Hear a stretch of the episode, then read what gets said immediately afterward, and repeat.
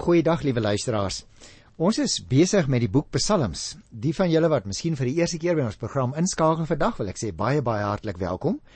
Ons werk die Bybel deur van Genesis tot Openbaring en gewoonlik doen ons so een of twee boeke uit die Ou Testament en dan weer 'n boek uit die Nuwe Testament net ter wille van die afwisseling. Nou wat baie interessant is in verband met die boek Psalms, is dat dit eintlik deur die eeue al ingedeel is in 5 verskillende bundels. Ons is amper klaar met die tweede bundel. Miskien kan ek net vir jou ietsie daarvan vertel. Dit strek van Psalm 42 tot aan die einde van Psalm 72. En hierdie spesifieke groep psalms word hoofsaaklik aan Dawid en die Koragiete toegeskrywe. En dit toon ook ooreenkomste met die boek Eksodus. Dis baie interessant. Net soos Eksodus die volk van Israel beskrywe, beskryf baie van hierdie psalms in die tweede psalmbundel ook die verval en die herstel van die volk. Die Here red ons, liewe luisteraar, net soos wat hy Israel gered het uit genade. Ons hoef nie net aan oplossings te dink nie, maar kan met ons probleme ook na die Here toe gaan en hom vra om ons te help.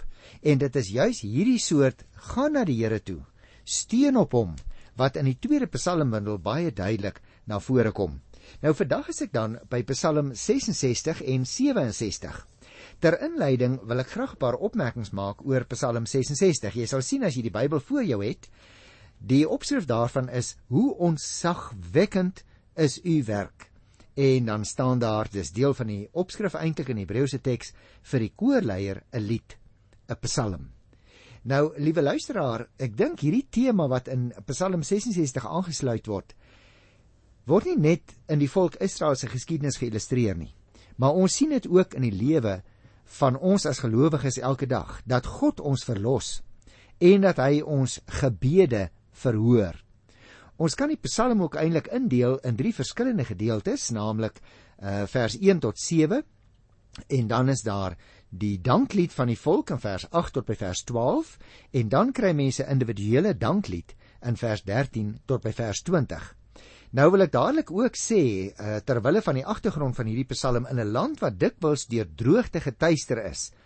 Israel. Mens kry daar 'n voorbeeld van in 1 Koning 17 hè, uh, waar die profeet Elia ook 'n uh, droogte aankondig. Nou in so 'n land is 'n goeie reënjaar natuurlik rede vir uitbundige dank aan die Here. En ons het iets daarvan beleef in Psalm 65 vers 10 tot by vers 14.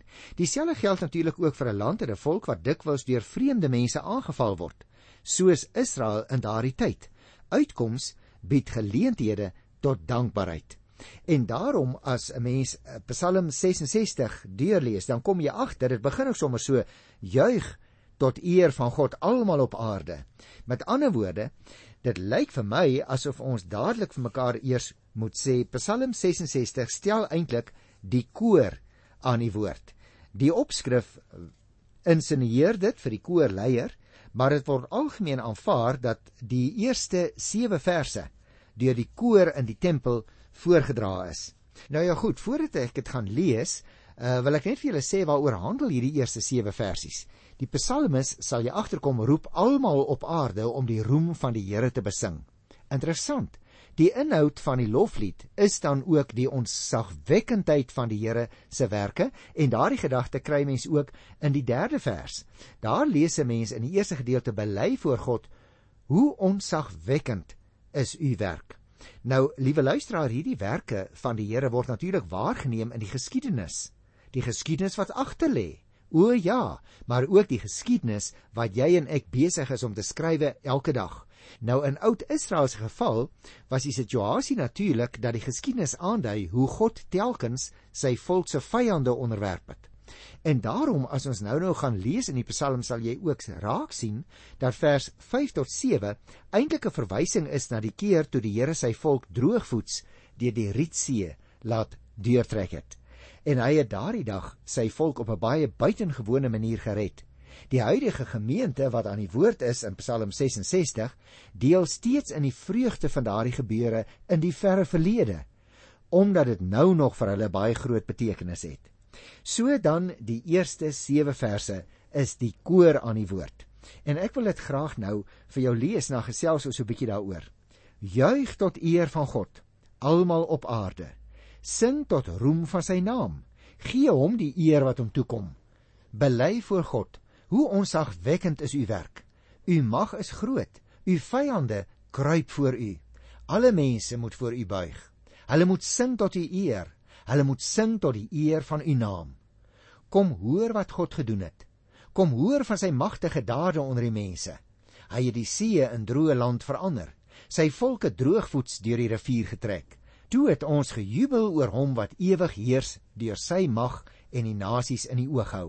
Die vyande moet hulle nie teen God verset nie. Jy sien as liewe luisteraar, net soos in die vorige Psalm, naamlik Psalm 65, roep die psalmdigter hier in Psalm 66 ook die hele aarde op om tot eer van die Here te kom juig en om die Here se naam groot te maak. Dit wil sê vir God soos wat hy hom in sy magtige dade geopenbaar het, te kom loof. Die inhoud van die loflied is dan ook hoe onsagwekkend is u werk, o God, wat daar in vers 3a baie duidelik vir ons uitgespel word. En hierdie werke, liewe luisteraars, word natuurlik waargeneem uit die geskiedenis wat aandui hoe dat die Here telkens sy volk se vyande onderwerp het. Of hulle dit nou wil weet of nie, alle mense moet voor hom buig en erken dat hy God is. Aan die Here kom dus die eer toe en aan hom kom ook die dank toe, soos wat ons gelees het in Psalm 8 by die tweede vers ook. Met ander woorde, liewe luisteraar, of mense in hierdie wêreld die Here erken vir wie hy is of nie, is eintlik irrelevant. Die Here is nie God omdat mense hom aanbid nie. Die Here is God ongeag die reaksie van mense. En daarom is dit tog interessant dat die psalmdigter almal oproep om die Here se groot werk en sy groot naam te aanbid. Wie nog daaroor sou aarsel, so sê vers 5 tot 7, word dan spesifiek opgeroep om te kom hoor wat God gedoen het staan daar. Hy het sy volk droogvoets deur die see, dit wil sê nou daardie gebeure in Eksodus 14 en 15 en deur die Jordaan, byvoorbeeld Joshua 3, laat trek. Met ander woorde, as die volk droogvoets deurtrek of deur die Rietsee of deur die Jordaan by die inname van die beloofde land, dan moet ons onthou, liewe luisteraar, dit is onder die genadige hand van die Here dat dit gebeur. En daarom word ook alle volke opgeroep om terug te dink wat die Here in die verlede gedoen het aan Israel in die geskiedenis wat agterlê. Toe volke dit hoor, het hulle gebewe. Nou mag jy miskien dink, hoekom sê ek dit, liewe luisteraar? Gaan kyk gerus in Eksodus 15 vers 15 en 16, dan sal jy ook die reaksie van ongelowiges sien nadat die Israeliete droogvoets deur die Rietsee getrek het. Die huidige gemeente in die tyd van die Psalmes deel steeds in die vreugde van daardie gebeure in die verre verlede, omdat dit nou nog vir hulle steeds betekenis het. Hulle bestaan is met ander woorde deur daardie gebeure bepaal. As die Here nie sy volk gered het nie, dan sou hulle ook nie uiteindelik in Israel as volk gewoon het nie. So gebeurtenis gaan dus nie net by 'n mens verby nie. Sy betekenis bly in die geslagte wat na die spesifieke gebeure plaasgevind het. Kom, dit bly eintlik vir altyd, want dit is 'n demonstrasie van God se mag, sê vers 7a, en van sy reddende liefde vir sondaar mense. Hiervoor, liewe luisteraar, mag niemand natuurlik sy oë sluit nie. Ons is daaraan herinner in Psalm 11 by die 4de vers ook. Ook nie die vyande van die gemeente nie. Gaan lees gerus die profeet Jesaja by Hosea 42 vers 10 en ook Hosea 49 vers 13. Dan sal jy dit baie gou agterkom. Nou goed, ek het gesê 'n mens kan die Psalm indeel, die eerste strofe of gedeelte vers 1 tot 7 en dan nou ook van vers 8 tot by vers 12. Nou Voordat ons dit lees, wil ek net eers daarop wys dat dit hier eintlik gaan oor die danklied van die volk. God moet met ander woorde geprys word want hy gee die lewe aan sy volk en hy hou hulle ook in stand. Hy het deur beproewing en lyding sy volk gevorm. God was altyd by hulle. Al moes hulle ook destyds deur vuur en water gaan, soos wat ons nou nou sal sien daar by die 12de versie. Miskien moet ek net gou dit eers vir jou lees. U het ons deur mense laat vertrap. Ons het deur vuur en water gegaan, maar toe het u ons uitgelei na oorvloed toe. Met ander woorde, liewe luisteraar, die eer word aan die Here gebring. Kom ek lees dus hierdie tweede strofe, vers 8 tot by vers 12. Prys God alle volke, laat sy lof weer klink. Dit is hy wat ons die lewe gee en nie toelaat dat ons struikel nie. U het ons beproef o God, ons gelouter so silwer. U het ons in 'n net gevang, 'n swaar las op ons gelê. U het ons deur die mense laat vertrap. U het ons deur vuur en water laat gaan, maar toe het u ons uitgelei na oorvloed toe. Jy sien ons het dus hier baie duidelik verskillende redes waarom God geprys moet word, want hy gee die lewe aan sy volk staan daar in die 8ste vers en hy hou natuurlik ook daardie lewe in stand. Jy en ek as Nuwe Testamentiese ge gemeente moet natuurlik ook onthou ons is die nuwe volk van die Here. En hy het vir ons die lewe in Christus gegee, die nuwe lewe. En hy hou ons ook in stand elke dag. Dit blyk ook uit Psalm 66 dat deur beproewing en lyding die Here die gelowiges vorm. Kyk gerus weer 'n keertjie na vers 10, die A en die B gedeelte. As 'n mens nou weer eens aan Israel dink as die mense deur wie se mond hierdie lied die eerste keer geklink het, dan moet jy onthou Israel se hele historiese verloop was feitelik 'n tog deur vuur en water, soos vers 12b sê. En tog, tog was die Here altyd by hulle. Gaan kyk maar in Jesaja 43 vers 2. En het die Here hulle elke keer weer gered en die goeie land laat belewe waarin hulle dus uiteindelik aangekom het. Die volgende klompie verse, vers 13 tot by vers 20, staan ook so bietjie op hulle eie. Kom ons lees dit. Ek sal u huis betree met brandoffers en aan u die geloftes betaal wat ek gedoen het, wat ek afgelê het toe ek in nood was. Ek bring vir u vet skape as brandoffers, ramme as wierookoffers. Ek offer beeste en bokke. Kom, kom luister alle dienaars van God. Ek wil vertel wat die Here vir my gedoen het. Skaars het ek na hom geroep of daar was reeds 'n loflied op my lippe. As daar sonde my hart was, sou die Here nie geluister het nie. Maar God het geluister. Hy het my gebed verhoor. Die lof kom God toe wat my gebed nie afgewys en sy trou nie van my weerhou het nie. Jy sien as liewe luisteraar hier in vers 13 tot 20 wat nou die laaste gedeelte van Psalm 66 is natuurlik word die tema van vers 3a weer opgeneem en klink dit weer deur. Met ander woorde, hoe ontzagwekkend is u werk. Dit word dus nie net geillustreer in die volk se geskiedenis wat agterlê nie. Dit kan ook gesien word in die lewe van elke gelowige, ook in jou en in my lewe, liewe luisteraar. Elke mens ondervind die wonder van die Here se genade. Die enkeling verdwyn dus nooit in die massa nie in die nood van lewensgevaar of van sondesmart belewe elkeen van ons ook weer wat die Israeliete destyds ervaar het. God het verlos, soos die 6ste vers gesê het, en hy verhoor die gebed, soos wat vers 3 ook in Psalm 65 vir ons geleer het. In die gebed, liewe luisteraar, om hulp, het die bidder dus geloftes afgelê en die word nou betaal in die tempel deur 'n groot offer aan die Here te bring. So sê vers 13 tot 15 vir ons. Maar nog steeds is dit nie al nie. Sy getuienis voor die gemeente oor, oor wat God vir hom persoonlik gedoen het, is 'n baie belangrike deel van die offer.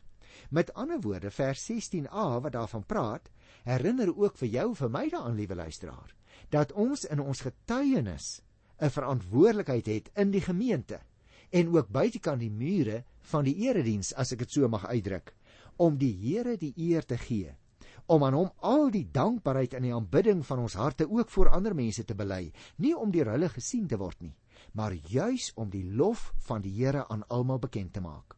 Jy sien die betaal van die gelofte neem in hierdie man se plek en getuienis net so 'n belangrike plek in as die magtige dade van God in die geskiedenis van sy volk Die bidder het dus nie lank op uitkoms gewag nie.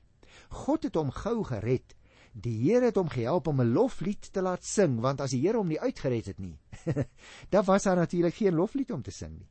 Is dit nie maar ook in jou en in my lewe so, nie liewe luisteraar? En daarom omdat die Here ons uitgered het, nie net uit die sonde nie, maar uit verskillende benouende situasies. Daarom het jy en ek mos baie redes om die lof van die Here te besing, nie waar nie? Mag ek vir jou 'n eenvoudige vraagie vra? Doen jy dit met mond en met lewe dat ander mense die grootheid en die reddende mag van ons God mag sien? Jy sien die bevryding en die gebedsverhoring van vers 19 is juis vir die bidder die teken dat hy onskuldig deur ander mense vervolg is. God het hom dus vrygespreek en verlos. En daarom dank hy die Here. Daarom getuig hy voor die gemeente, soos vers 20b sê, God is getrou. Is dit nie 'n wonderlike God in wie jy en ek glo en aan wie ons behoort nie? En dit bring ons dan by Psalm 67. Nou luisteraars, dit is eintlik ook een van die korter psalms. Ek gaan eers meer daaroor gesels, dan die eksegese doen soos wat ek gewoonlik doen en dan gaan ons dit weer 'n keertjie so bietjie prakties in ons eie lewens toepas. Jy sien, die opskrif van Psalm 67 mag die volke u loof o God. Waaroor gaan dit in hierdie Psalm? Die Here is die koning oor die hele wêreld, of mense dit erken of nie. Dit is dan ook die boodskap wat in hierdie ek wil amper vir jou sê sending Psalm na alle volke uitgedra word sodat hulle in die Here kan glo want in Psalm 67 word die volke ook herhaaldelik opgeroep om die Here te loof want hy is die koning oor die hele wêreld. Dit is die belydenis wat ook sterk in hierdie Psalm na vore kom. Die bede van die Psalm met ander woorde sluit aan by die seën wat die priesters oor die volk moes uitspreek.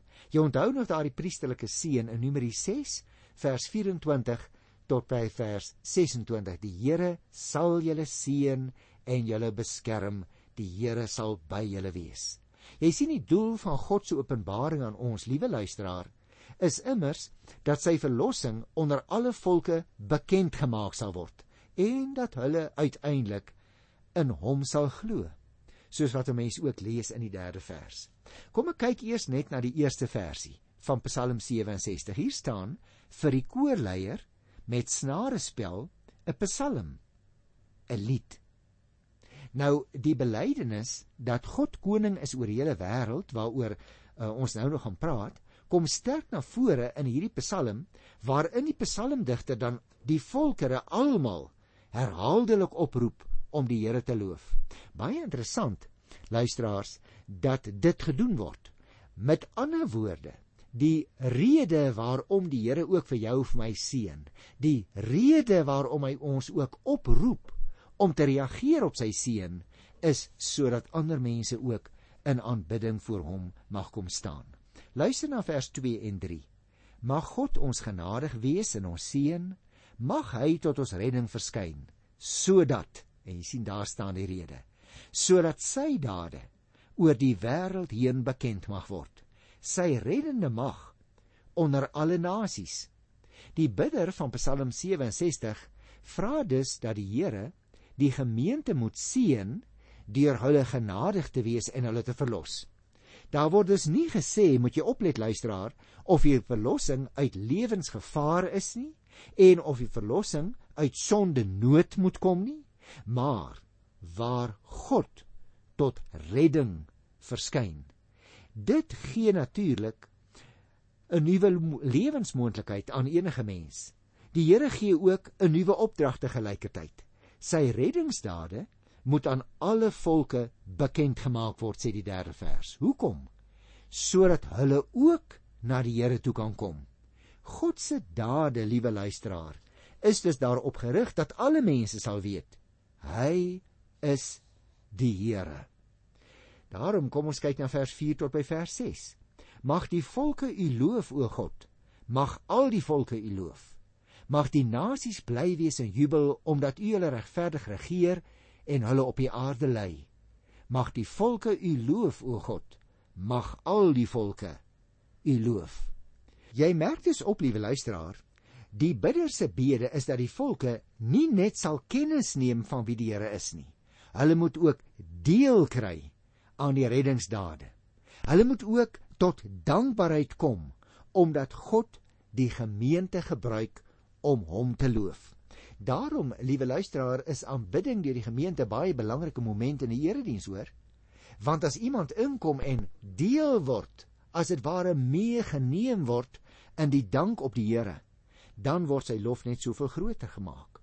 Deur drie verskillende Hebreëse woorde te gebruik om die volke aan te dui, beklemtoon die digter dat almal moet deel in die redding. Jy sien, die voorregte waarin hulle moet kom deel, is die waaraan die gelowiges, die kinders van die Here, die gemeente, juis in die erediens en in die daaglikse lewe deel het. Daarom as 'n mens kyk, mooi kyk na vers 4 tot 6, dan sien jy daardie woorde duidelik: loof, bly wees, jubel. Met ander woorde, dit word 'n magtige golf wat van die gemeente af uitkring, ook na ander mense wat ingetrek word by daardie golf om die lof van die Here te besing. En dit bring my by die laaste twee versies van Psalm 67. Die land het sy oes gelewer. God, ons God, het ons geseën. God het ons geseën. Die mense op die hele aarde moet hom eer. Baie interessant dus in die Psalm as jy hom in sy geheel beskou. Hierdie Psalm 67. Benewens die redding waarvan ons gelees het in vers 2b, het die Here ook die volk geseën So leer ons nou hier in vers 7 en 8 deur 'n goeie oesjaar aan hulle te skenk. En ook in hierdie vreugde mag die hele aarde deel. En dis 'n belangrike moment om raak te sien, liewe luisteraar, dat die Here nie net gelowiges seën om tot seën te wees nie, maar dat hy ook ongelowiges laat deel in die voordeel en die seën in die natuur daar buitekant byvoorbeeld. God seën met ander woorde sy gelowige kinders en hy seën hulle land. Hy seën al die nasies wat die getuienis kry dat die Here God is. Miskien moet ons so 'n bietjie oor 'n vraagie met mekaar gesels voordat ons afsluit. Het die psalmis dalk oor die eeue heen gekyk? Het hy dalk in sy geestesoë gesien hoe die evangelie oor die hele wêreld uitgedra word? Nou, liewe luisteraar, miskien nie in die sin wat jy en ek dit verstaan nie. Maar dit wil voorkom asof hy gedroom het oor daardie tyd dat die boodskap oor die reddende genade van God sal uitkring na alle volkere en alle mense op die aarde. Nou, dit laat natuurlik vir jou vir my as Nuwe Testamentiese gelowiges dadelik aan die Nuwe Testament dink, want die Psalme herinner aan die belangrike opdrag wat die Here Jesus gegee het in Matteus 28 by vers 18 tot 20. Dit word gewoonlik die sendingopdrag genoem en ek wil dit graag vir jou lees. Aan my, dit is nou aan die Here Jesus. Aan my is alle mag in die hemel en op die aarde gegee. Gaan dan en is die opdrag. Gaan dan na al die nasies toe en maak die mense my disippels. Doop hulle in die naam van die Vader en die Seun en die Heilige Gees en leer hulle om alles te onderhou wat ek julle beveel het. En onthou, ek is by julle al die dae tot die volëinding van die wêreld.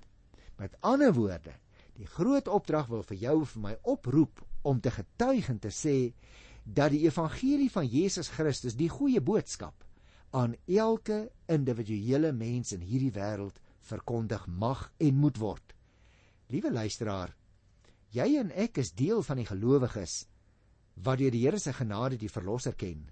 Loof hom vir sy goeie nuus. Deel die evangelie met almal sodat die oes groot kan wees wanneer die tyd opgerol word soos 'n tentdoek soos wat die Jesaja profeet so pragtig geskryf het. Mag ek vir jou vra, wat is jou aandeel aan die uitdra van die evangelie?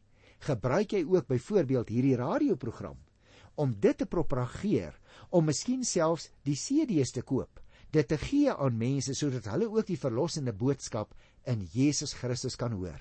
Met hierdie vraag in die hart, groet ek jou tot volgende keer in die enigste verlosser, die naam wat gegee is onder mense op aarde, waardeur almal wat in hom glo, gered kan word.